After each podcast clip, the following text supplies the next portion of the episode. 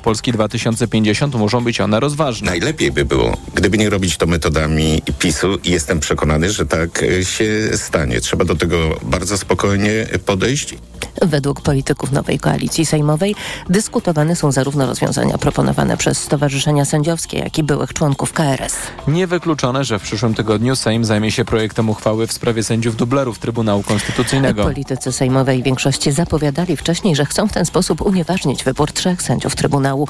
Monika Mroczko. Uchwała ma nie być rewolucją, ale ma wyznaczać kryteria zmian. Ma dać podstawę do tego, aby osoba zarządzająca Trybunałem Konstytucyjnym miała świadomość, że Sejm uznał, że dany sędzia dubler nie ma mandatu i nie należy wskazywać go do składu. Może pojawić się zarzut, że przyjmując uchwałę odwołującą dublerów z Trybunału Konstytucyjnego, de facto zgadzamy się, że te uchwały sprzed wielu lat były ważne. A przecież także argumentacja sądów międzynarodowych była taka, że były prawnie wadliwe. Dlatego, jak dodaje Krzysztof Śmiszek, trzeba posługiwać się bardzo precyzyjnym językiem, po to, żeby z jednej strony dać mocny sygnał i kryteria, jak należy rozprawić się z kwestią naruszania praworządności, a z drugiej strony nie dać paliwa tym, którzy mogą użyć uchwały do argumentowania, że nowa władza już na starcie łamie konstytucję. Monika Mroczko, to FM. Narodowy Fundusz Zdrowia wyjaśnia, czy na szpitalnym oddziale ratunkowym Wojewódzkiego Szpitala w Rybniku dochodziło do nieprawidłowości. O sprawie zrobiło się głośno, kiedy pacjenci informowali o wielogodzinnym oczekiwaniu na pomoc. W październiku w internecie pojawił się film, z którego wynikało, że pacjent czekał na pomoc ponad dobę. To wywołało lawinę podobnych skarg, mówi Rafał Razik, rzecznik Śląskiego Oddziału NFZ-u. Czas oczekiwania,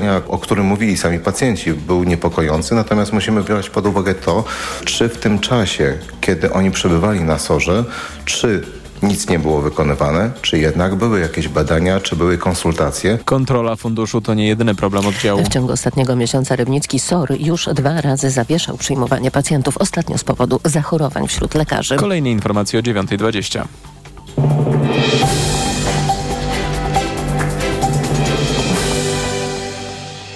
Dobrej pogody życzy sponsor programu. Japońska firma Daikin. Producent pomp ciepła, klimatyzacji i oczyszczaczy powietrza. www.daikin.pl Pogoda. Środa upłynie nam pod znakiem chmur z przelotnymi opadami deszczu, a w rejonach podgórskich deszczu ze śniegiem. 8 stopni dziś w ciągu dnia w Gdańsku, Szczecinie, Poznaniu, Białymstoku, 9 w Warszawie, Lublinie, Łodzi, Wrocławiu, 10 stopni w Rzeszowie, Krakowie i Katowicach. Czas na raport smogowy. Dobrej pogody życzy sponsor programu. Japońska firma Daikin. Producent pomp ciepła, klimatyzacji i oczyszczaczy powietrza. www.daikin.pl Opady i wiatry sprzyjają jakości powietrza. W całym kraju nie ma właściwie problemu smogu. Wszystkie stacje pomiarowe Generalnej Inspekcji Ochrony Środowiska wskazują na śladowe ilości pyłów zawieszonych. Radio TOK FM. Pierwsze radio informacyjne. Reklama. Dziś w cyklu Zyskaj Wsparcie moim gościem jest Tomasz Niewola, dyrektor bankowości inwestycyjnej w mBanku. Zielona transformacja nabiera rozpędu. Jak swoją rolę w tym procesie postrzegają banki? Inwestowanie w odnawialne źródła energii oraz ochronę środowiska jest dla nas bardzo istotne. Dostarczamy kredytów dla spółek projektowych, organizujemy emisję zielonych obligacji, znajdujemy partnerów wkładających własny kapitał do takich projektów. Przykładowo mBank w ubiegłym roku przeznaczył ponad 600 milionów złotych na finansowanie farm wiatrowych i fotowoltaicznych. Wyemitował zielone obligacje o wartości 275 milionów i przyznał ekokredyty hipoteczne o wartości ponad 300 milionów złotych. Jakie firmy są zainteresowane w pierwszej kolejności finansowaniem OZE? Mamy dużą grupę firm w Polsce, które napędzają rynek energii odnawialnej, dostarczając zieloną i coraz tańszą energię z wiatru i słońca. Drugi rodzaj to przedsiębiorstwa, które dzięki inwestycjom w odnawialne źródła energii chcą zagwarantować sobie większe bezpieczeństwo energetyczne. Fakt, że działają na bazie zielonej energii jest coraz ważniejszy także dla ich odbiorców i klientów indywidualnych. Więcej informacji znaleźć można na www.mbank.pl w zakładce MSP i korporacje. Reklama. Idealnych temperatur życzy sponsor programu, producent klimatyzatorów i pomp ciepła Rotenso. www.rotenso.com Sponsorem audycji jest Kruk SA, inicjator Dnia Bez Długów. Sponsorem programu jest producent hybrydowej Mazdy CX-60. EKG. Ekonomia, kapitał, gospodarka. Tomasz Setta, dzień dobry. 8 minut po dziewiątej zaczynamy środowy magazyn EKG. Razem z nami pierwszy gość, profesor Marek Belka, były prezes Narodowego Banku Polskiego, a także były premiera dziś europoseł. Dzień dobry. Dzień dobry. Panie profesorze, na początek naszej rozmowy odwołam się do pańskiego doświadczenia z bycia premierem. Czy pańskim zdaniem Mateusz Morawiecki wykorzysta w pełni czas i przedstawi prezydentowi pełny skład Rady Ministrów, czy może z tej misji sformowania rządu wycofa się przed czasem? O, trudno powiedzieć, bo moje doświadczenie było zupełnie inne od e, doświadczenia e, Mateusza Morawieckiego. E, podobno mało kto chce się, że tak powiem, e, zgodzić na uczestnictwo w tym, e, w tym rządzie zombies.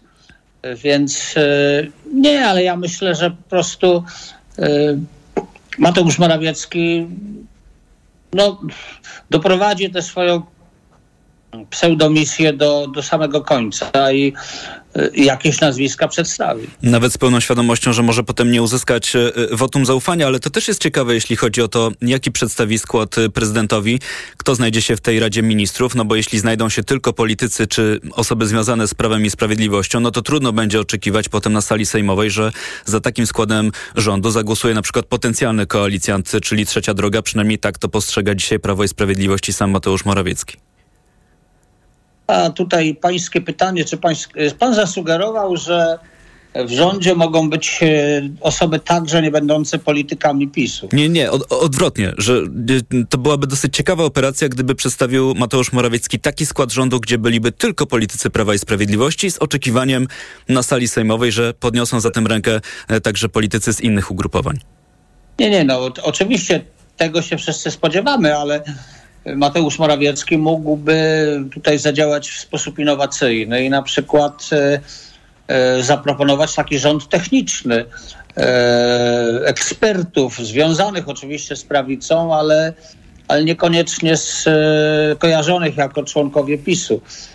No to taki byłby, mm, no nie wiem, akt rozpaczy, że być może za takim rządem ktoś spoza klubu parlamentarnego Prawa i Sprawiedliwość, Prawo i Sprawiedliwość zagłosuje. No tak, chociaż głosowanie na przykład nad e, marszałkiem Sejmu pokazuje, że może być z tym problem, ale to już jest zmartwienie e, Prawa i Sprawiedliwości i Mateusza Morawieckiego, który ma dziś tę misję sformowania rządu. Mm, Zostawmy może na boku przynajmniej na moment e, politykę partyjno-parlamentarną i zajmijmy się polityką pieniężną, a może czymś takim, co jest na styku tych obu polityk. Pan jest dzisiaj w Europarlamencie, ale gdyby pa, pan był znów posłem na polski Sejm i po tym Sejmie e, krążyłby dziś wniosek do podpisu, wniosek na końcu którego jest Trybunał Stanu dla Adama Glapińskiego. To poseł Marek Belka pod takim wnioskiem by się podpisał, czy nie? Ja mam pełne zrozumienie e, dla krytyki e, Adama Glapińskiego i myślę, że są liczne powody, które, znaczy, dla których można byłoby Adama Glapińskiego, e, że tak powiem, albo e, pod Trybunał Stanu, czy, czy, czy, czy po prostu e, pod e, inne, że tak powiem, e, no, sądy postawić. Natomiast jako były szef NBP e, odmówiłbym podpisania takiej listy. Mhm. A dlaczego? Bo tak się zastanawiam, bo mówi pan o tym pełnym zrozumieniu. To dlaczego w tym pełnym zrozumieniu e, nie mieściłby się podpis pod uruchomieniem tej całej procedury, gdzie na końcu jest Trybunał Stanu?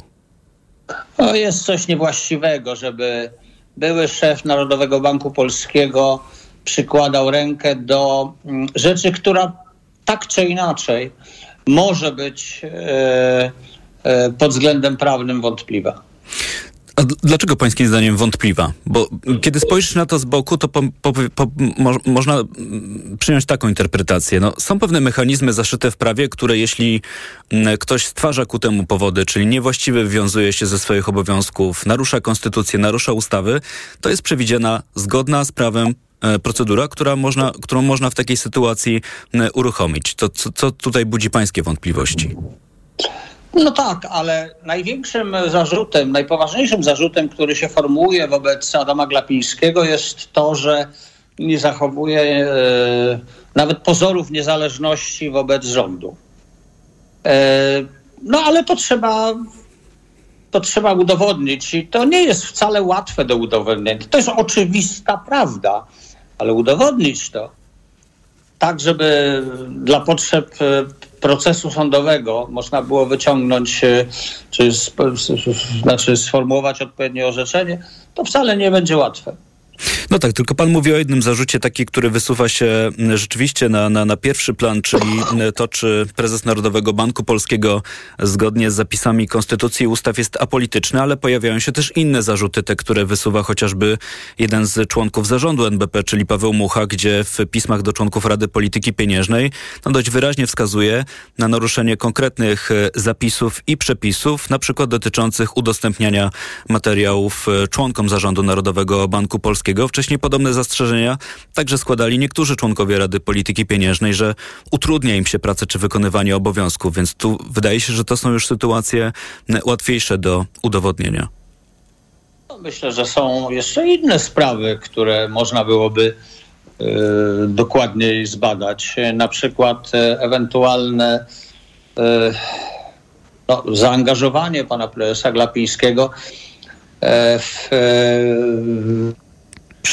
w pomoc czy, czy w poparcie dla byłego mm, prezesa KNF, e, pana Marka Chrzanowskiego. E, Tak, jest tego bardzo dużo, natomiast e, wystarczy podpisów. e, Nie muszę być na tej liście. Nie musiałbym być na tej liście. Tak, no zwłaszcza, że potrzeba tych podpisów e, 115, zdaje się, że tyle będzie e, w zasięgu możliwości tej nowej większości parlamentarnej. Mm, A jeszcze w tym wątku chciałem pana dopytać, gdyby taka procedura została w nowym polskim Sejmie uruchomiona, ona oznaczałaby de facto zawieszenie prezesa NBP w e, jego tej aktualnej funkcji, w możliwości wykonywania swoich e, obowiązków. E, Pańskim zdaniem w jaki sposób to było, byłoby potraktowane przez taką opinię międzynarodową? Bo takie sytuacje w świecie zachodnim, czyli, e, czyli usuwanie czy zmiana szefa banku centralnego, to są sy- sytuacje rzadko spotykane, jeśli prawie w ogóle niespotykane. Trudno powiedzieć, dlatego że właśnie takie sytuacje są niespotykane. E, A już na pewno e, nigdy Narodowy Bank Polski nie był, że tak powiem, areną takich, takich bojów. Na pewno nie byłaby to, nie byłaby to reakcja pozytywna, ale z drugiej strony ja mogę sobie zdawać sprawę z tego, że e, w środowisku bankowców centralnych, a wiem coś o tym, no bo się spotykam przecież z moimi byłymi kolegami, e, jest pełne zrozumienie i też pełna świadomość sytuacji, jaka jest w Polsce jaka jest w Narodowym Banku Polskim. To właśnie w związku z tym chciałem zapytać, czy pańskim zdaniem, gdyby do takiej sytuacji doszło, to pan sobie wyobraża, że z pomocą ruszyłby chociażby Europejski Bank Centralny z taką pomocą, czy, czy, czyli żeby wspierać Adama Glapińskiego i bronić niezależność Banku Centralnego, niezależnie od tego, w jaki sposób prezes wykonuje swoją pracę?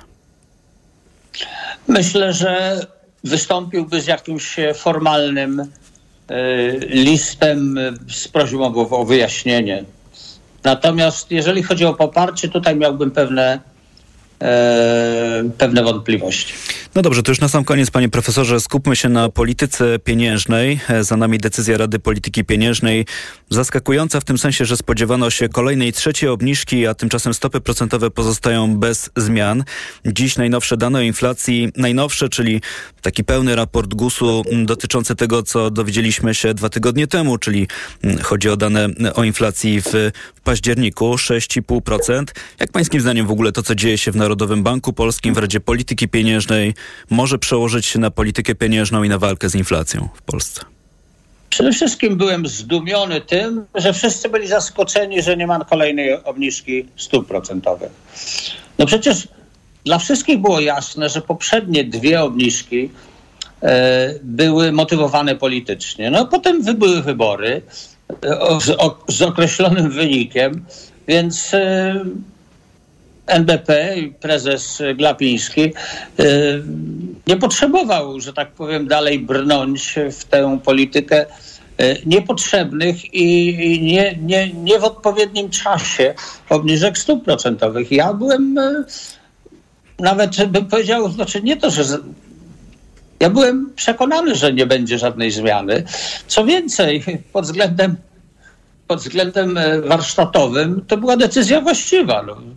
E, przecież ta, te, te, te spadki inflacji tak zwanej konsumenckiej to, to nie jest całość historii, prawda? Bo przecież mamy do czynienia z częścią takiej inflacji zawieszonej, która musi być kiedyś odwieszona.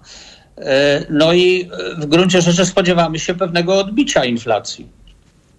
I czy teraz, biorąc wszystko pod uwagę, to co pan e, powiedział, to możemy zakładać taki scenariusz, że po pierwsze stopy procentowe przez dłuższy czas będą stać w miejscu, albo nawet będą rosnąć, jeśli inflacja da ku temu powody, bo załóżmy, że od stycznia nie wszystkie tarcze inflacyjne będą e, działać, niektóre ceny administracyjne mogą pójść w górę, wobec czego pójdzie inflacja też w górę i dla Rady Polityki Pieniężnej czy dla większości RPP to może być jakiś e, przyczynek, żeby stopy nie dość, że utrzymywać w miejscu, to jeszcze je podnosić.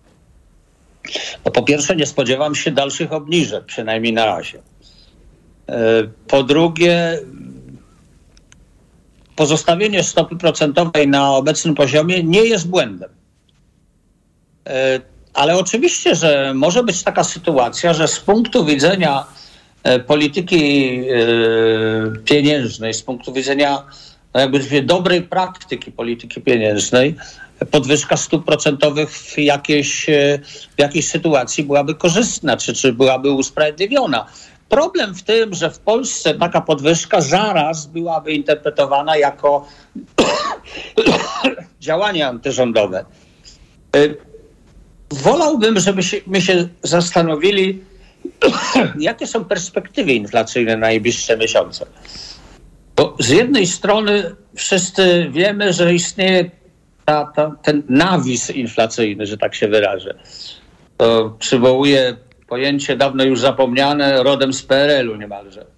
Otóż e, rzeczywiście, no chociażby eliminacja zerowego VAT-u na żywność, e, czy, czy inne, innych tarcz antyinflacyjnych spowoduje wzrost e, wskaźnika inflacji. Ale jest pytanie, jakie są czynniki, które będą wzmagać inflację, a jakie czynniki będą tę inflację E, łagodzić. I wydaje mi się, że pierwszym podstawowym czynnikiem proinflacyjnym jest oczywiście polityka budżetowa.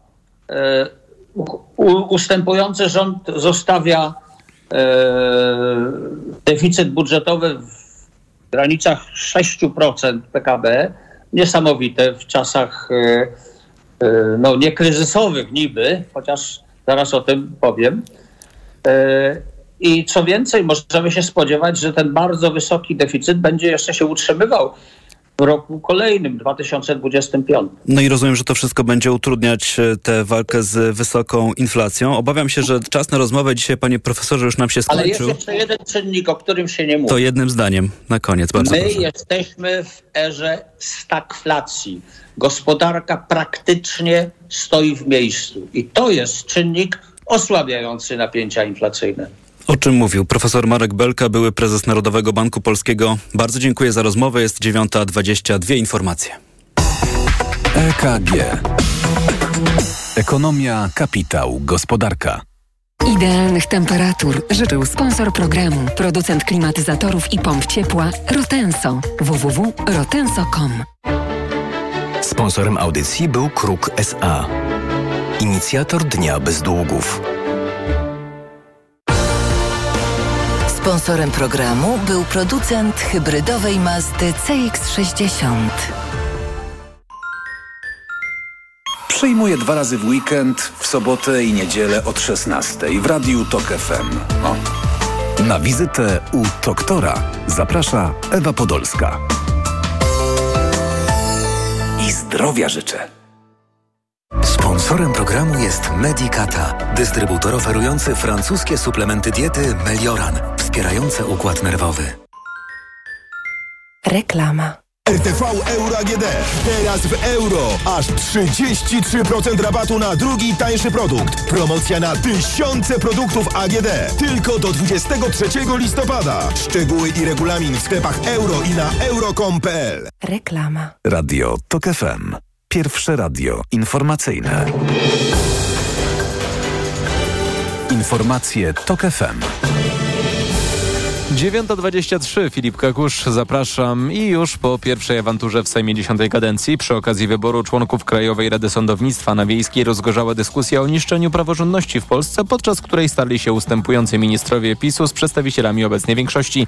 Członkowie zdymisjonowanego już rządu Mateusza Morawieckiego skorzystali z przysługującego ministrom prawa zabrania głosu w dowolnym momencie debaty na sali plenarnej. Szef PSL-u Władysław Kośniak-Kamysz. Sytuacja jest specyficzna w tym miesiącu, kiedy większość parlamentarna nie ma rządu. Ministrowie ewidentnie próbowali wykorzystać e, regulamin Sejmu, żeby zablokować pracę Izby. Ostatecznie jednak Sejm wybrał na nowych członków Krajowej Rady Sądownictwa Kamila Gasiuk-Pichowicz, Tomasza Zimocha, Annę Marię Żukowską i Roberta Kropiwnickiego. Kandydatury Prawa i Sprawiedliwości przepadły. Premier Pedro Sánchez przedstawi dziś program swojego nowego rządu, który utworzył z poparciem separatystycznych partii Katalonii i Kraju Basków. Sánchez skonstruował większość od kilku miesięcy po lipcowych przyspieszonych wyborach parlamentarnych. W zamian za poparcie zapowiedział amnestię dla organizatorów referendum niepodległościowego w Katalonii w 2017 roku, co doprowadziło do wielotysięcznych protestów. Ratownicy, którzy w Indiach czwarty dzień próbują dotrzeć do 40 robotników uwięzionych pod gruzami budowanego tunelu, przekazali im niezbędne lekarstwa. Wiadomo, że mężczyźni, którzy tkwią pod rumowiskiem, żyją, jednak ich kondycja się pogarsza. Jest z nimi kontakt poprzez szeroką na 90 cm rurę, którą w pierwszym etapie akcji ratowniczej wywiercono w rumowisko.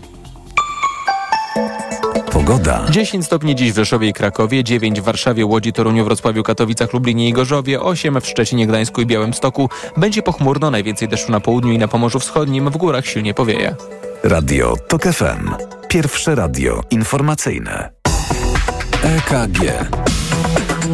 Ekonomia, kapitał, gospodarka. 25 minut po dziewiątej zaczynamy drugą część magazynu EKG. Państwa kolejni goście to dziś pani Marzena Chmielewska, zastępczyni dyrektora generalnego w Konfederacji Lewiatan. Dzień dobry. Dzień dobry. Pan doktor Jarosław Janecki, Szkoła Główna Handlowa w Warszawie oraz Towarzystwo Ekonomistów Polskich. Dzień dobry. Dzień dobry. I zdalnie łączy się z nami także pani doktor Anna Czarczyńska z Akademii Leona Koźmińskiego również. Dzień dobry. Dzień dobry. E, proponuję, żebyśmy nasze spotkanie zaczęli trochę poza scenariuszem, bo dotarła do nas dziś o poranku informacja dotycząca Polskiego Krajowego Planu Odbudowy. To będzie pytanie do pani Marzeny Chmielewskiej, która e, blisko przygląda się tym sprawom i się nimi zajmuje, żebyśmy wyjaśnili, co to jest za część tej historii z czym mamy do czynienia. Ale zanim pytanie, to mm, krótko powołam się na informację, którą dziś e, przekazała agencja Bloomberg.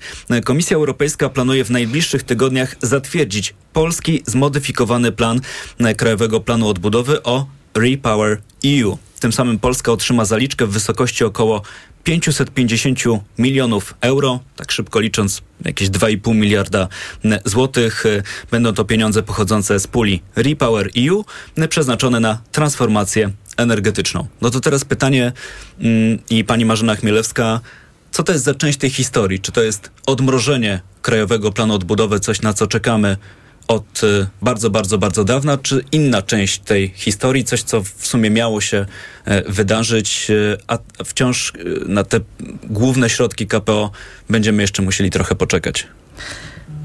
To jest ta druga część historii. To nie oznacza odblokowania KPO w takim sensie, że żeby odblokować KPO, czyli żeby dostawać płatności w związku z realizacją reform i inwestycji, musimy zrealizować kamienie milowe. I my tych kamieni milowych ciągle nie realizujemy.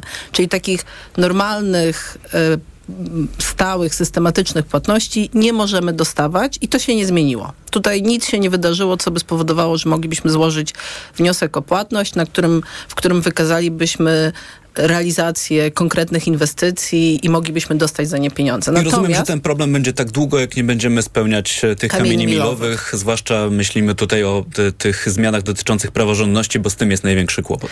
Y, tak. Y, Choć nie tylko. Nie tylko, bo kamienie milowe związane z praworządnością uniemożliwiają nam złożenie pierwszego wniosku o płatność. Natomiast każdy kolejny jest powiązany z innymi kamieniami milowymi, które także trzeba zrealizować.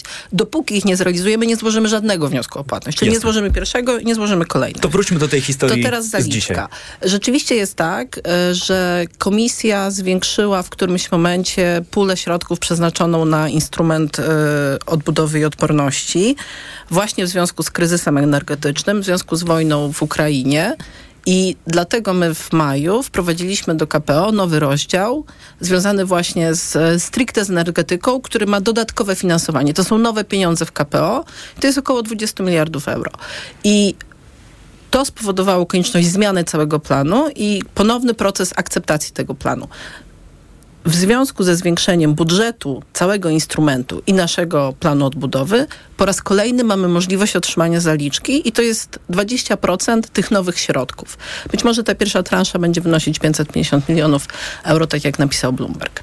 E, generalnie możemy dostać zaliczkę w dwóch transzach. To, to, to mówią przepisy unijne i to nie jest powiązane z żadnym kamieniem milowym. My po prostu musimy wprowadzić nowy rozdział, to Polska zrobiła i złożyła propozycję e, w, pod koniec sierpnia. Teraz w grudniu będzie akceptacja. Tak Komisja najprawdopodobniej to zaakceptuje które przedstawia i Bloomberg. automatycznie dostajemy zaliczkę. Nie musimy nic... Bezwarunkowo. Bezwarunkowo. Bezwarunkowo. War jedynym warunkiem jest to, że komisja musi zaakceptować zmienione KPO do końca grudnia 2023. Jeżeli tego nie zrobi, po raz kolejny utracimy zaliczkę, bo my już jedną zaliczkę utraciliśmy z KPO w 2021. To mówiła pani Marzena Chmielewska. Bardzo dziękuję za te wyjaśnienia, bo w takim oczekiwaniu na te pieniądze z Krajowego Planu Odbudowy można przyjmować e, różne interpretacje tego, co się wydarzyło, więc e, dziękuję za to, że teraz mamy taką pełną jasność, z czym mamy do czynienia. Pytanie, czy coś dodajemy, doktor Jarosław Janecki, czy przechodzimy dalej? Już wracamy do scenariusza. Ja może tylko dodam, że generalnie środki z KPO e, były już uwzględniane w kwietniu przez Ministerstwo Finansów w wieloletnim e, programie finansowym. Ba, są zapisane w budżecie na 2024 to również, ale to rok. Mówi, tak, ale mówisz, że to już było w kwietniu tego roku. Um, no i czekamy cały czas na, na, na, te środki. Miejmy nadzieję, że, e, że wszystko będzie szło w takim kierunku, że jednak te środki e, będą napływały do Polski. Na te środki, czyli jak rozumiem, nie tylko na zaliczkę, ale na te miliardy euro, na które wciąż czekamy. Pani Marzena Chmielewska. Ja bym chciała jeszcze jedno zdanie dodać do tego pierwszego komponentu, czy do blokowania KPO, bo to, co dzisiaj zatwierdzi Komisja Zmiany w KPO, nie spowodują, nie spowodują możliwości złożenia pierwszego wniosku. Czyli my dalej po, po tym, jak powstanie nowy rząd, będziemy musieli wejść w proces najprawdopodobniej kolejnej zmiany KPO. Bo przyjęcie albo realizacja tych kamieni milowych, które są na, na, ten moment w planie zapisane, w tym kształcie, w jaki one są zapisane, dotyczące praworządności, może być bardzo trudna.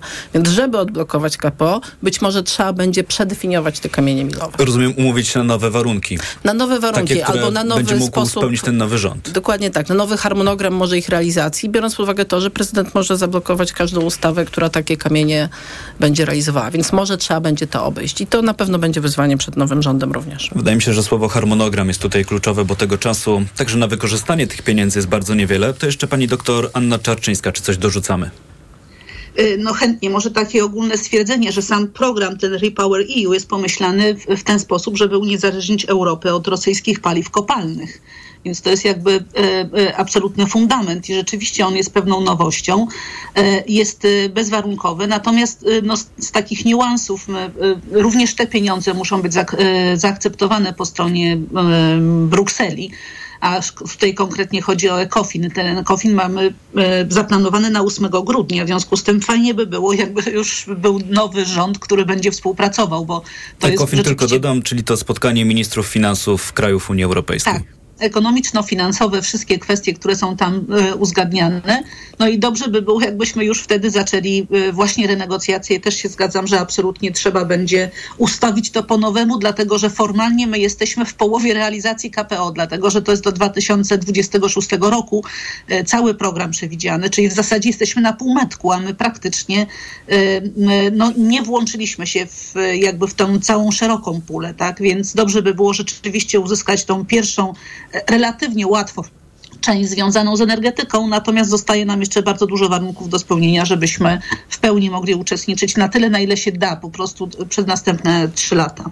To mówiła pani doktor Anna Czarczyńska. Bardzo dziękuję. To w tej części programu mam jeszcze propozycję, żebyśmy obejrzeli się za siebie i porozmawiali chwilę o tym, nie, nie, nie. To tak bardziej, bo państwo się w studiu obracają za siebie.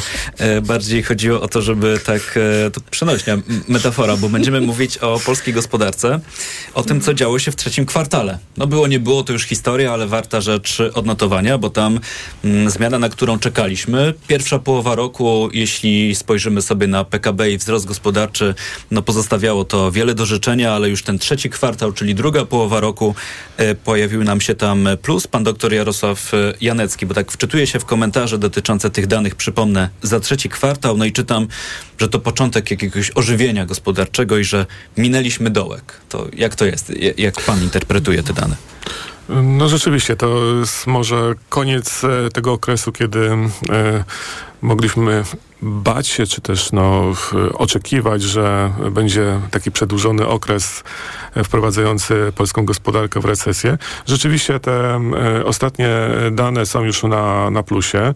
0,4 wzrostu rok do roku w trzecim kwartale to, w, to jest taka pierwsza optymistyczna liczba. Tylko chciałbym tutaj przypomnieć, czy też ewentualnie no, w, zwrócić uwagę na czynniki, które spowodowały, że akurat e, znaleźliśmy się tutaj na, już na plusie.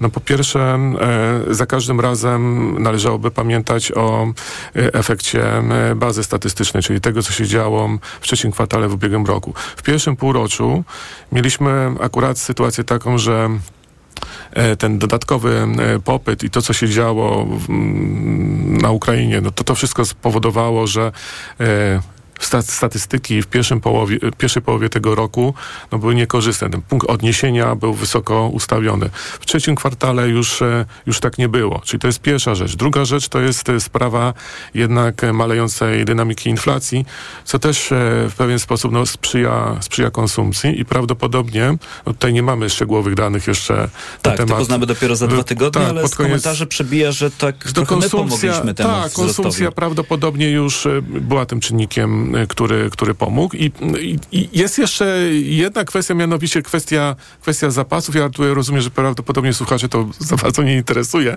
ale, ale, ale ten czynnik, bo inwestycje prawdopodobnie jeszcze tutaj nie będziemy widzieć znacznego odbicia, natomiast e, być może e, tutaj e, kwestia zapasów była tym, tym czynnikiem dodatnim, czyli, czyli tutaj mniejszy minus z, z punktu widzenia zapasów, plus jeszcze wymiana handlowa, która prawdopodobnie prawdopodobnie była na plusie. No, dodam od siebie, że z tymi zapasami to może być różnie i być może część z Państwa tak, może to interesować, tak. bo kiedy analizowaliśmy poprzednie dane dotyczące wzrostu gospodarczego, to często wkradał się tam ten element gromadzenia zapasów i to nam podnosiło wyniki. No powinniśmy też pamiętać o rewizjach, tak, bo tutaj mamy do czynienia jednak z tymi rewizjami, które, które w pewien sposób mogą jednak zmienić obraz tego, co widzimy w I to jest rzecz chyba, o którą zapytam Państwa w kolejnej części magazynu EKG, dlatego, że kiedy wczytujemy się w dane od Głównego Urzędu Statystycznego, to dzieją się tam rzeczy niespotykane. Są te rewizje, korekty poprzednich danych i one no, są dość spektakularne, więc jeszcze do tego e, wątku w magazynie EKG wrócimy. Jest 9.36, teraz czas na informacje. EKG. Ekonomia, kapitał, gospodarka. Lista przebojów to FM. Jakie radio? Taka lista. TOK 5. Przepraszam cię, usłyszałem teraz taki głos w głowie, no sprzed wielu, wielu lat, kiedy Ewa Wanat mówiła mi, Janku, nigdy więcej nie rób już programu seminarium, ale dziś mi się chyba akurat z wami udało to seminarium. Po informacjach Radia Tok FM wracamy i będą same po prostu magiel, plotki, seks, przemoc, zbrodnia, no i PiS. Lista przebojów TOK FM. Słuchaj i głosuj na portalu informacyjnym tokefm.pl. Reklama. Mijasz stylowego, przyciągającego spojrzenia hybrydowego suwa. To Ford Puma. Obserwujesz, jak zwinnie i dynamicznie się porusza. Wyobrażasz sobie jego przestronne wnętrze. To Ford Puma. Dowiadujesz się, jak mało pali i już wiesz, że hybrydowa Puma to SUV stworzony dla Ciebie. Teraz w znakomitej ofercie z pakietem 4 lat ochrony, Ford Protect gwarancją i serwisem w cenie samochodu. Do tego korzyść finansowa nawet do 25 tysięcy złotych z ubezpieczeniem na rok. Ford Puma. Takiej oferty jeszcze nie było. Szczegóły u dealera Forda i na Ford.pl. W nowej polityce. Z opozycji do koalicji. Nowa większość kontra stary PiS. A także, czy rozgrzeszać wyborców Kaczyńskiego? Konfederacja ledwo dyszy. O mękach męskości. Śmierć u dentysty. Kościół traci moc. Gaza wstrząsa zachodem. Polityka w kioskach i na polityka.pl. Marian, hmm? powiedz coś po Black Weeksowemu. No dobra. Niskie ceny w Media Expert. Gotowi na mega okazję? Black Weeks w Media Expert. Na przykład ekspres automatyczny Siemens. Najniższa cena z ostatnich 30 dni przed obniżką 2999 zł 99 groszy. Teraz za jedyne 2699 z kodem rabatowym taniej o 300 zł. Black Weeks w Media Expert. Na odporność od dawna stosowałem witaminę C w dawce 1000 mg. A teraz zmieniłem swój produkt na Rutina C Max C1000. Nie zmieniłem dawki witaminy C, ale wzmocniłem orutozyt i uznane składniki wspomagające odporność. Suplementy diety Rutina C Max C1000 w jednej tabletce zawiera aż 1000 mg witaminy C, a do tego rutozyt i sprawdzone substancje wspierające odporność. Cynk, selen i witaminę D3. Rutina C Max C1000 to połączenie dwóch świetnych sposobów na odporność. Rutina C Max C1000. Odporność na potęgę. Aflofarm. W kolejnym cyklu podcastu Miasta Szczęśliwe zagłębimy się w temat przyszłości. Czy nasze miasta będą przyjazne, ekologiczne i nowoczesne? Jak będą się zmieniać z postępem technologicznym i społecznym? W rozmowach z ekspertami spółki mieszkaniowej Skanska zbadamy przyszłe kierunki rozwoju miast, odkryjemy innowacyjne pomysły, wejdziemy w świat sztucznej inteligencji, druku 3D czy cyberbezpieczeństwa i zastanowimy się, jak te i inne zjawiska wpłyną na miasta jutra. Zapraszam do słuchania na platformie Tok FM. Jerzy Telesiński. Przepraszam, coś pani zgubiła. Mój magnes, bardzo dziękuję. Suplement diety Neomak Forte D3. Magnes. Może stąd to przyciąganie. Ja też biorę magnes. Sporo nas łączy. Łączy to Neomak Forte D3, dużą dawkę magnezu i aż 2000 jednostek witaminy D. Kosztuje 2 zł więcej niż Neomak Forte, a daje mi świetną odporność. Przekonała mnie pani. Zmieniam swój magnes na Neomak Forte D3. To może teraz ja przekonam panią, żebyśmy poszli na kawę. Chyba, że jest pani odporna również na mnie. Neomak Forte D3. Więcej niż magnes. Aflofarm. Drodzy słuchacze, pamiętacie jak mówiliśmy Wam o konkursie Piórko 2023 Nagroda Biedronki za książkę dla dzieci? Poznaliśmy zwycięzców! Już od 16 listopada we wszystkich sklepach sieci Biedronka dostępna będzie książka Sernik z kamieniami. Książka Joanny Czarny z ilustracjami Aleksandry Lipki to pełna humoru piracka historia o chłopcu, który borykał się z problemem braku akceptacji wśród rówieśników, ale ciekawi dalszej historii? Od 16 listopada książka w sprzedaży w Biedronce. piorko.biedronka.pl Toyota zafundowała nam gorącą końcówkę roku. W salonach tej marki właśnie rozpoczęła się wyprzedaż rocznika 2023. Co to oznacza? Te niezawodne i stylowe auta są teraz dostępne w salonach w bardzo atrakcyjnych cenach i do tego od ręki. Małe i miejskie samochody, auta rodzinne, crossovery i suwy, najnowszej generacji hybrydy. Takich okazji dawno nie było. Do salonów ruszą tłumy i dlatego warto pospieszyć się na dni otwarte. Toyota zaprasza na nie od 13 do 18 listopada. Wtedy wybór będzie największy. Tego nie można przegapić. Reklama. Radio TOK FM. Pierwsze radio informacyjne. Informacje TOK FM. 9.41 Filip Kakusz, zapraszam. 83 godziny wynosi teraz czas oczekiwania na przekroczenie polsko-ukraińskiej granicy przez przejście w Medyce na Podkarpaciu. W kolejce czeka 1200 ciężarówek. Samochodów przybywa, jeszcze wczoraj było ich około 1000. Ponad 1100 tirów czeka na wyjazd z Polski przez przejście w Dorochusku. Kolejka ma prawie 23 km, a czas oczekiwania na odprawę z powodu protestu przewoźników, którzy blokują przejście to prawie 14 dni. Izraelska armia ogłosiła tej nocy, że rozpoczęła operację przeciwko palestyńskiemu Hamasowi w szpitalu Al-Shifa. To główna i największa klinika w strefie gazy, pod którą prawdopodobnie znajdują się centra dowodzenia organizacji terrorystycznej. W szpitalu mogą znajdować się również zakładnicy uprowadzeni z Izraela ponad miesiąc temu. Znaleziono też broń. Dowództwo wojskowe twierdzi, że żołnierze dostarczyli także do kliniki inkubatory i żywność dla niemowląt. 17 łodzi z ponad 800 migrantami dotarło we wtorek na włoską wyspę Lampedusa. Zwiększa się liczba łodzi, które wypływają z Tunezji i Libii i przez Morze Śródziemne docierają do Europy. Warunki na morzu są dobre, a to nietypowe o tej porze roku. Służby porządkowe na Lampedusie zostały postawione w stan najwyższej gotowości. Od 1 stycznia przypłynęło do Włoch ponad 140 tysięcy ludzi. Na Kasprowym Wierchu leży już 33 cm śniegu, a miejscami wiatru tworzył głębokie zaspy. Dziś prawdopodobnie kolejne opady w Tatrach, ale na razie nie ma warunków do nauprawiania narciarstwa. Powyżej 1600 metrów nad poziomem morza obowiązuje w Tatrach pierwszy najniższy stopień zagrożenia lawinowego. Pogoda. Dziś deszcz na południu kraju i na Pomorzu Wschodnim. W górach spadnie śnieg, mocno powieje wiatr, możliwe są zamiecie, przeważnie od 7 do 10 stopni. Chłodniej na Suwalszczyźnie i terenach podgórskich, tam od 4 do 6 stopni. Radio TOK FM. Pierwsze radio informacyjne. Idealnych temperatur życzy sponsor programu, producent klimatyzatorów i pomp ciepła Rotenso. www.rotenso.com Sponsorem programu jest producent hybrydowej Mazdy CX-60. Sponsorem audycji jest Kruk SA, inicjator Dnia Bez Długów. EKG.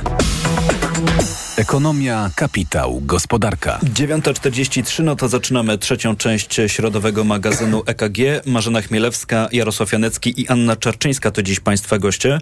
W tej części oczywiście zdziwienia. Tutaj tradycji musi stać się zadość, ale wcześniej, skoro już zapowiedziałem, to padnie to pytanie, to może króciutko Pan doktor Jarosław Janecki, bo przed informacjami mówiliśmy o danych z polskiej gospodarki, o tym, co raportuje Główny Urząd Statystyczny i skupiliśmy się na tych najnowszych danych. To są dane o polskim PKB za trzeci kwartał. Mm, ale powiedzieliśmy też o tym, że GUS rewiduje swoje dane, poprawia, tak. uzupełnia, docierają nowe mhm. dane i kiedy spojrzymy sobie na drugi kwartał, no to tam dość spektakularna ścieżka tej rewizji i tego poprawiania tych danych. Od minus 1,4 do plus 0,3.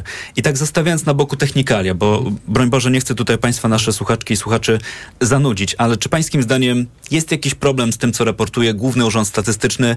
Znów nie podważam wiarygodności tych danych, tylko czy czy jest jakiś taki proces zbierania tych danych, a potem publikacji, który można usprawnić, no tak, żeby uniknąć takich spektakularnych korekt, żeby to, o czym tu mówimy w magazynie EKG, no żeby odnosić się już do takich danych, które potem już w niewielkim stopniu będą się zmieniać? No, w krótkim czasie zapewne tego nie zmienimy. Tutaj mamy do czynienia e, z informacjami, które napływają z różnych grup podmiotów. Najpierw napływają e, informacje z dużych e, przedsiębiorstw, z dużych podmiotów, a na końcu mamy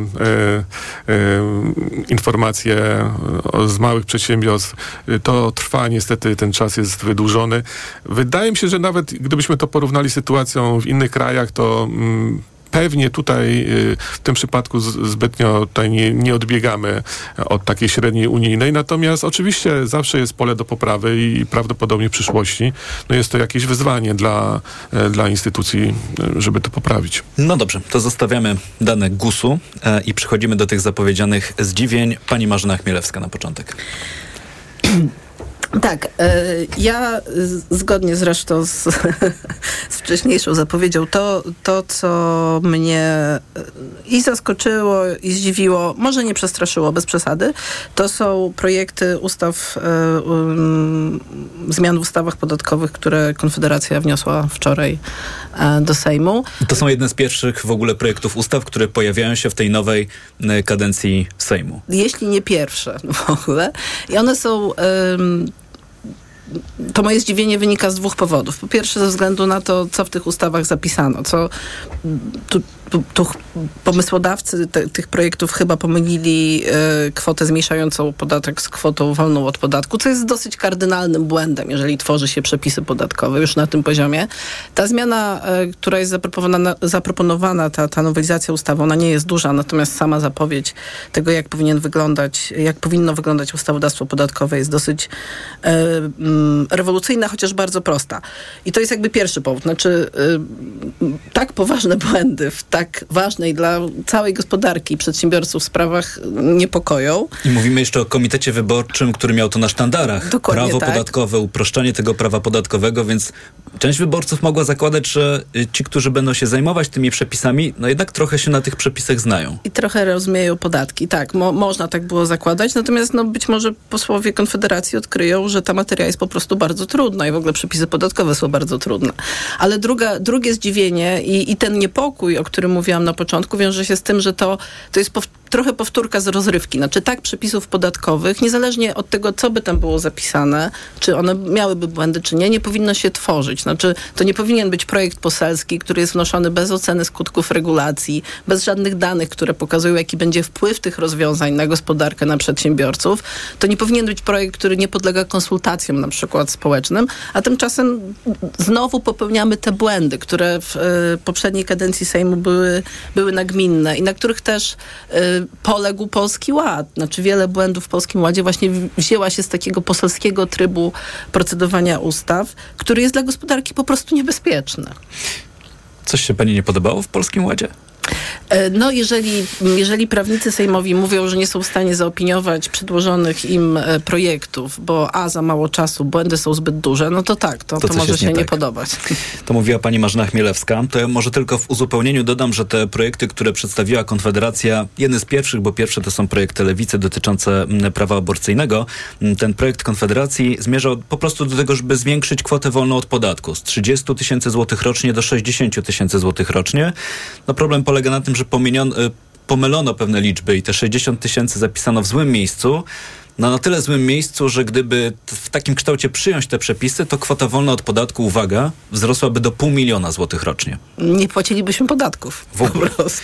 Większość Polaków. Mm, mało kto, więc, e, więc tak w uzupełnieniu do tego zdziwienia taka informacja. To może jeszcze tylko dorzucę, że, się, że pojawiła się autopoprawka e, klubu Konfederacji po tej takiej burzy medialnej, która wczoraj się wywiązała, ale wczytuje się w głos ekspertów podatkowych, że i ta autopoprawka nie wymazuje wszystkich błędów, czy nie prostuje sytuacji w 100%. Przede wszystkim tak nie powinno się tworzyć przepisów podatkowych. To jest pierwszy kardynalny błąd. Pełna zgoda. Mówiła Marzena Chmielewska, pani doktor Anna Czarczyńska. Co panią dziwi?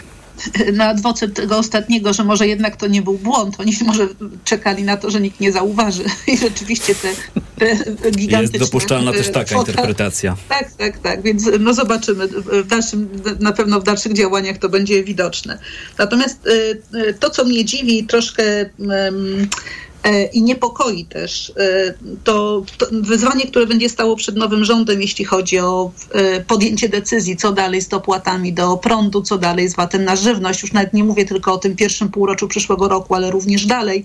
Jak te wszystkie kwestie poustawiać, co zrobić z budżetem, który Wygląda na to, że po prostu jest rozdęty po stronie wydatków, natomiast przychody nie wyglądają aż tak rewelacyjnie, przynajmniej te planowane na 2024.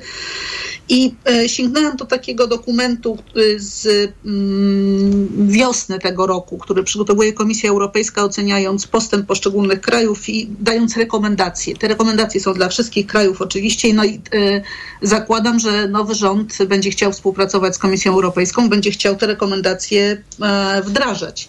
Natomiast biorąc pod uwagę politykę wewnętrzną, może to być rzeczywiście bardzo trudne ponieważ e, Komisja Europejska zakłada, że powinniśmy zakończyć stosowanie obowiązujących instrumentów wsparcia związanych z energią i skierowanie uzyskanych w ten sposób oszczędności na redukcję rządowego deficytu.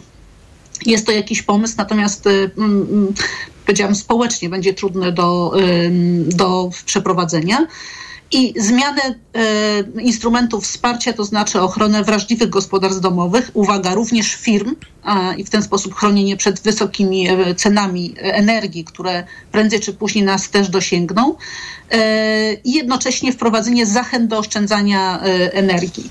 Myśmy e, do tej pory stosowali taką e, metodę raczej wspierania wszystkich jak leci, to znaczy tam, gdzie potrzeba i tam, gdzie nie potrzeba, co było mega kosztowne dla budżetu i to urealnienie jest bardzo potrzebne, natomiast z perspektywy takiej politycznej może być bardzo, bardzo trudne do przeprowadzenia, właśnie biorąc pod uwagę to, że, że w, przyszłym, no w przyszłym roku też mamy kolejne wybory. Tak, no dość powiedzieć, że wciąż nie ma takiej jasnej odpowiedzi ze strony tych polityków, y, którzy przymierzają się do przejęcia władzy, w jaki dokładnie sposób y, podejdą, czy do, do kwestii mrożenia cen energii, czy do mm, tego, co będzie się działo z zerowym VAT-em na żywność. Wczoraj naszym gościem była Paulina Henik-Kloska z Polski 2050, która mm, przedstawiała kilka różnych y, możliwych scenariuszy, co może się wydarzyć, więc te decyzje wciąż jeszcze przed, przed rządem. Mówiła doktor Anna Czarczyńska, mm, to może jeszcze krótko pan doktor Jarosław Janecki. Co pana dziwi? To ja w, praktycznie w takim samym temacie, ponieważ tutaj e, w strategii zarządzania długiem publicznym, proszę Państwa, tutaj mamy już e, e, tak naprawdę zapis dotyczący konsolidacji w finansach publicznych. Ona ma wynieść 0 punkta procentowego PKB w latach 25-27, więc... Konsolidacji, czyli?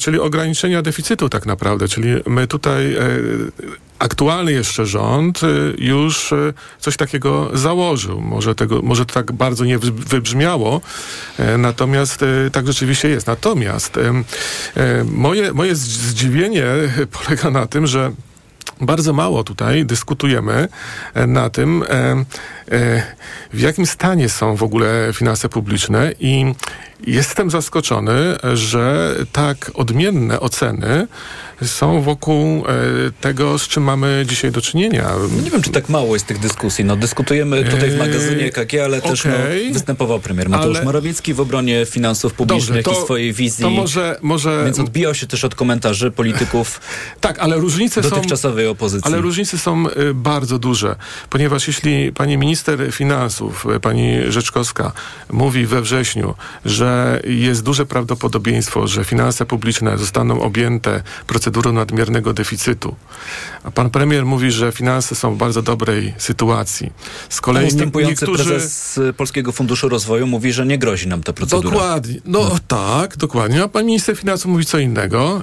Ym, natomiast niektórzy profesorowie również mówią, że nie grozi nam y, taka sytuacja. Tylko jako zwrócę uwagę, że 164 miliardy złotych to jest deficyt budżetu centralnego na przyszły rok przewidziany, a wiele lat temu, jak mówiliśmy o, rozmawialiśmy jeszcze, to pamiętam, o, dziurze, o dziurze Bałca, to wówczas to był poziom 88 miliardów, dziurze, której tak naprawdę nie było. E, ponieważ to były potencjalne ustawy, które mogły spowodować tą dziurę. A teraz mówimy o 164 miliardach, a inne analizy wskazują z kolei, że ten deficyt może być powyżej 270 miliardów. Także tutaj wydaje mi się, że warto byłoby no, e, z, popracować nad taką białą księgą e, finansów publicznych i stwierdzić, jaka jest rzeczywiście sytuacja dzisiaj. Zdaje się, że takie zapowiedzi płyną ze strony tych polityków, e, którzy będą przymierzali się, bo wciąż jeszcze nie ma tej misji sformowania rządu po stronie tych dotychczasowych partii opozycyjnych. Płyną z tamtej strony takie sygnały, że taka biała księga finansów publicznych powinna powstać, zwłaszcza, że odpowiedzialnością tego nowego rządu będzie też przygotowanie budżetu na 2024 rok. W magazynie EKG mamy jeszcze chwilę, to pozwolą Państwo, że podzielę się moim zdziwieniem. E, proponuję bowiem, żebyśmy prześledzili pewną karierę. Karierę pana wiceministra finansów Piotra Patkowskiego, który w dość nieoczekiwanych okolicznościach e, zniknął ze strony Ministerstwa Finansów z zakładki kierownictwo. E, zniknął jako wiceminister bez żadnego komunikatu oficjalnego, że przestaje być wiceministrem. E, I pan Piotr Patkowski odnalazł się kilka dni później w Polskiej Agencji Nadzoru Audytowego jako prezes. Jako prezes powoływany na czteroletnią kadencję. Mm, pojawiają się tutaj co najmniej dwie wątpliwości. Pierwsza jest taka, że jednym z takich formalnych warunków, który trzeba spełnić, żeby móc pełnić tę funkcję, mm, to jest posiadanie autorytetu i wiedzy oraz doświadczenia w zakresie sprawowania nadzoru nad wykonywaniem zawodu biegłego rewidenta. No bo tego nie powiedziałem, że ta agencja właśnie taki nadzór nad biegłymi rewidentami e, sprawuje. No próżno szukać takiego doświadczenia w e, biografii pana ministra. Jeśli czegoś nie wiemy, to oczywiście prosimy o takie informacje. Na to zwracają uwagę eksperci, ale jest jeszcze jedna sprawa, bo powiedziałem, że w tej agencji jest czteroletnia kadencja, jeśli chodzi o stanowisko prezesa, e, bo mam przed sobą wpis ustępującego prezes, prezesa tejże agencji. Marcin Obroniecki e, w, we wpisie na LinkedInie e, poinformował o tym, że po blisko czterech latach przestaje pełnić wspomnianą funkcję prezesa. Mm, no i poinformował na koniec, czy zamieścił takie oto zdanie. Teraz czas na nowe zadania i wyzwania. Jeśli ktoś o czymś wie lub o czymś słyszał, proszę o sygnał. Więc nie wiem jak Państwo, ale ja to ostatnie zdanie wpisu odczytuję czy interpretuję w taki oto sposób, że i ustępujący prezes mógł być tą e, decyzją zaskoczony, e, skoro nie ma tych planów zawodowych dalszych i będzie dopiero się nad nimi zastanawiał. Pani Marzena Chmielewska. Ja spróbuję skomentować to tak bardzo ogólnie, y, i, ale też trochę systemowo, bo moim zdaniem to, co trzeba będzie, nad czym trzeba będzie pracować i czego też przedsiębiorcy i gospodarka potrzebuje, to jest naprawa instytucji. I jednym z elementów tej naprawy jest zapewnienie, żeby instytucjami, nie tylko tą, o której teraz pan powiedział, ale E, wieloma innymi kierowały osoby, które mają do tego odpowiednie kwalifikacje, kompetencje i są wybiera wybierane w sposób przejrzysty. To też jest niesłychanie ważne. To ja nie znam tej kariery, nie znam tutaj szczegółów tego awansu albo tej zmiany. Natomiast na pewno jest tak, że my nie powinniśmy mieć wątpliwości co do tego, co do kwalifikacji osoby, która kieruje ważną instytucją publiczną, a to nie jest jedyny taki case i to nie jest jedyny taki przypadek, w, których, w którym można podejrzewać, że powoli metody y, tego awansu są y, pozamerytoryczne albo niewystarczająco merytoryczne. Tak jak powiedziałem, jeśli jest coś w tej biografii, co rzeczywiście uzasadnia mm, ten, ten warunek, który trzeba spełnić, czyli to posiadanie autorytetu, wiedzy i doświadczenia, jeśli coś takiego jest, to oczywiście jesteśmy otwarci na takie informacje. Jeśli jest to uzasadniona kandydatura, mm, to oczywiście nie będzie wtedy mm, móc się do czego przyczepić, mówiąc kolokwialnie. To jest jeszcze jedna kariera, której dzisiaj nie omówimy, czy zmiana taka personalna, czyli Narodowy Bank Polski będzie miał rzecznika prasowego Wojciech Andrusiewicz. Mm, przypomnę, wcześniej rzecznik w Ministerstwie Zdrowia. To wydaje mi się też rzecz warta odnotowania. Tym kończymy magazyn EKG. Bardzo dziękuję za to spotkanie. Marzena Chmielewska, Konfederacja Lewiatan, Jarosław Janycki, Szkoła Główna Handlowa w Warszawie i Towarzystwo Ekonomistów Polskich oraz dr Anna Czaczyńska z Akademii Leona Koźmińskiego. To jeszcze szybko raport y, walutowy, bo to ciekawe sprawy. Euro po 4,38, drodzy Państwo. W niczym się nie pomyliłem. Dolar po 4 zł i 3 grosze, funt po 5 zł i 3 grosze i frank szwajcarski 4 zł i 54 grosze. Jest 9.58, za moment informacje. Tomasz Setta. Dobrego dnia i do usłyszenia. EKG.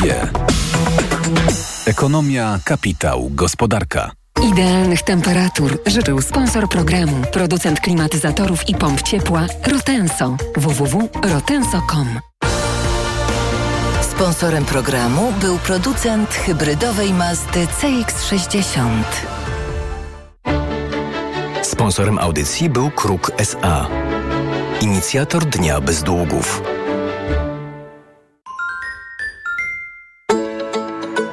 Głosy Radia TOK FM po godzinach. Wieczorem Agnieszki Lichnerowicz.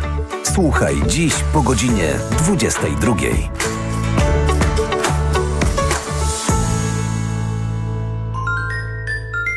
Reklama. RTV Euro AGD. Rewelacja! Na Black Friday Weeks aż dwie raty gratis i do kwietnia nie płacisz. 30 rat 0% na cały asortyment. RRSO